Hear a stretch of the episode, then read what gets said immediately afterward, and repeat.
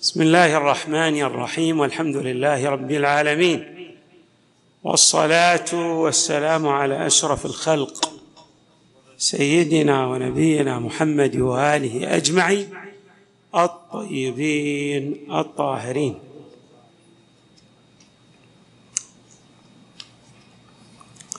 قال الله تعالى في القرآن الكريم وجعلنا منهم أئمة يهدون بأمرنا لما صبروا وكانوا بآياتنا يوقنون.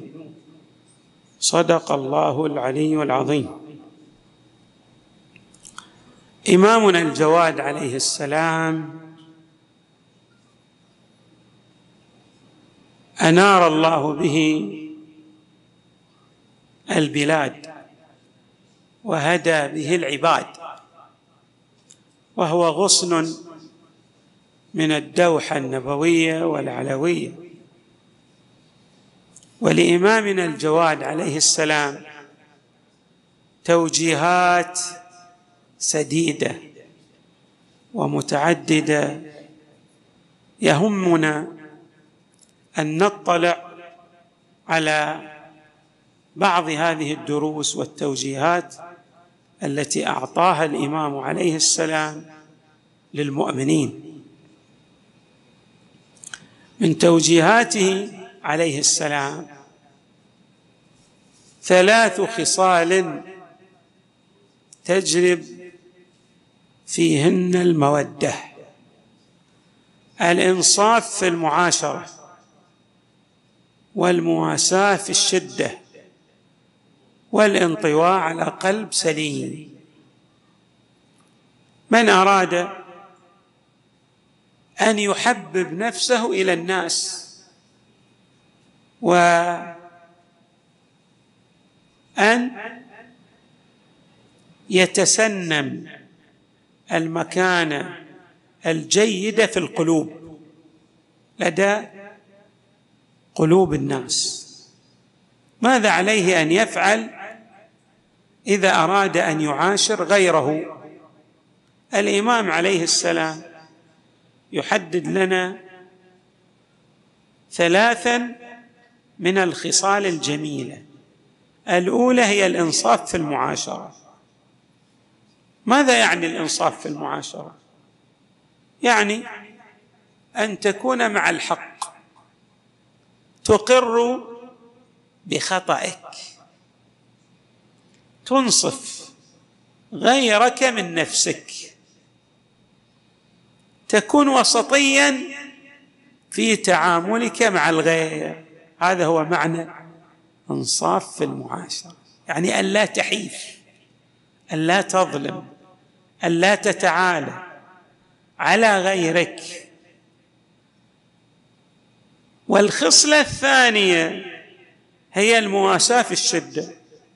الناس في هذه الحياة الدنيا يتعرضون لهزات.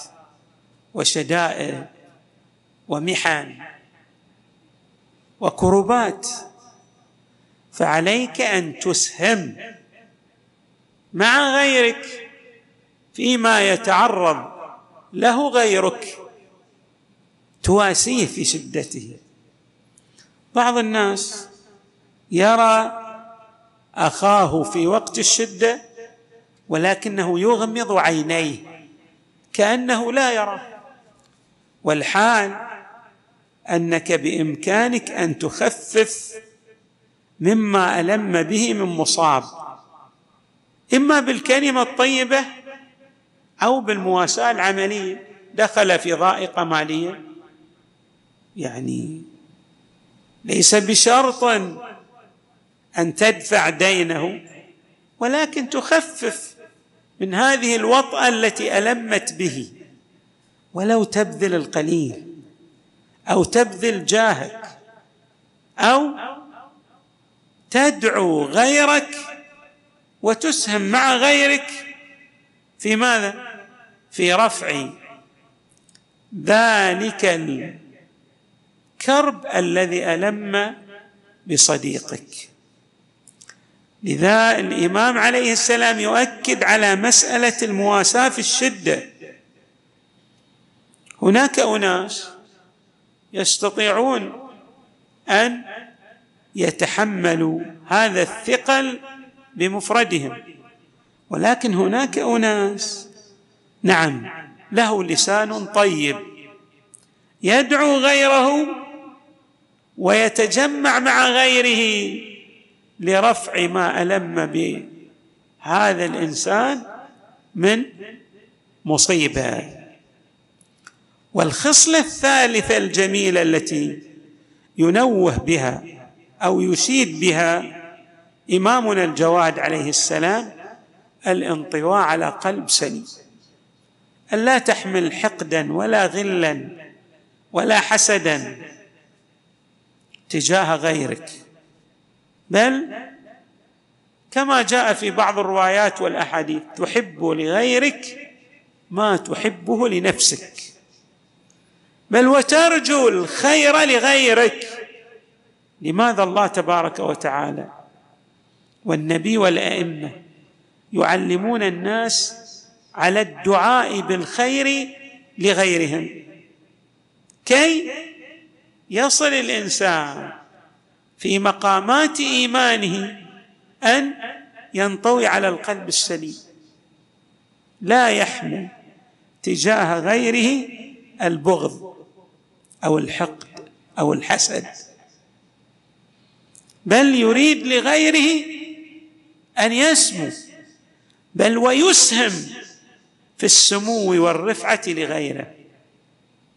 يعني يتحمل شيئا من العناء في رفع مستوى غيره. هذا معنى الانطواء على القلب السليم لأنك تحب الغير الخير لغيرك. ليس معنى الانطواء على القلب السليم. أنك يعني لا تفكر في غيرك ولكن لا تحسده لا تبغضه بل تحب الخير له وتسهم في ذلك. أيضا من التوجيهات السديدة لإمامنا الجواد عليه السلام. قال ثلاثة من كن فيه لم يندم ترك العجلة والمشورة والتوكل على الله تعالى عند العزيمة. إذا تريد أن لا تصاب بندامة في أي أمر من الأمور لا تستعجل تروى تريث في اتخاذ القرار. سبحان الله من المجربات لا يتريث أحد. في اتخاذه للقرار إلا ووصل إلى درجة من الحكمة. والحصافة في الرأي في إعطاء الرأي السديد. لماذا؟ لأنه تتبلور لديه الأفكار وتنضج لديه ماذا؟ الحيثيات المختلفة. وبالتالي إذا أراد أن يتخذ قرار يصبح هذا القرار الذي اتخذه يعني ينطوي على كثير من الإيجابيات ويتجنب به كثيرا من السلبيات. ثلاثة من, من كن فيه لم يندم ترك العجلة. لا تستعجل في اتخاذ القرار تريث. والمشورة شاور غيرك استشره. ما هي أهمية المشورة؟ قد لا تلتفت إلى بعض الحيثيات التي لها دخل في اتخاذ القرار الأحسن. يعني ليس بشرط أن تتخذ قرارا سيئا ولكن هناك حسن وهناك أحسن. غيرك إذا استشرته سوف تتخذ القرار الأفضل والأحسن. لماذا؟ لأن هناك تجارب مر بها غيرك وتجنبوا من خلال تلكم التجارب الكثير من السلبيات وهم يعطونك يعني يمحضونك الرأي. فإذا إذا استشرت غيرك فتصل إلى القرار الصواب. وتصل إلى الخير. وتتجنب كثيرا من العقبات التي قد تؤدي بك إلى عواقب وخيمة والعياذ بالله. فلهذا يشير الإمام إذا أردت أن لا تقع في ندامة عليك أن تستشير. من شاور الرجال شاركها في عقولها. والخصلة الثالثة التوكل على الله. إذا عزمت أردت أن تقوم بشيء توكل على الله. ما هي الأهمية للتوكل على الله؟ الإنسان في الأعم الأغلب لا يطلع على عالم الغيب. يعني ما عندك نافذة أنت تطلع فيها على عوالم الغيب التي ترتبط بالامور التي تريد أن تنجزها أو تقوم بها. لكنك إذا توكلت على الله طبعا بعد التفكير والروية والاستشارة أيضا تتوكل على الله. لأن الأمور بيد من؟ بيد الله تبارك وتعالى. فإذا توكلت على الله أحسبك وكفاك. ومن يتوكل على الله فهو حسبه. يكفيك. الله تبارك وتعالى. الله يغير مجريات الأمور لتصب في صالح من توكل عليه تبارك وتعالى. أيضا من توجيهات إمامنا الجواد عليه السلام. ثلاث.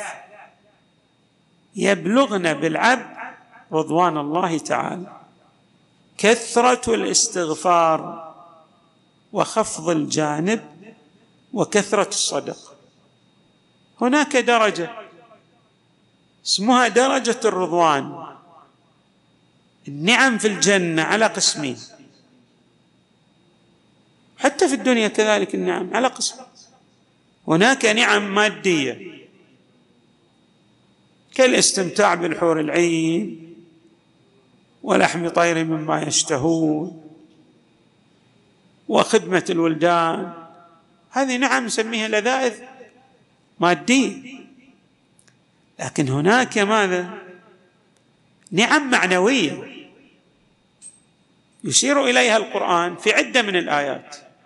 مثلا أن تكون مع أنبياء الله ورسله أولئك مع الذين أنعم الله عليهم. من النبيين والصديقين والشهداء والصالحين وحسن أولئك رفيقا هذه نعمة ماذا؟ معنوية أن تجالس أن تكون بمجاورة النخبة. من النعم المعنوية أن تصل إلى درجة الرضوان الإلهي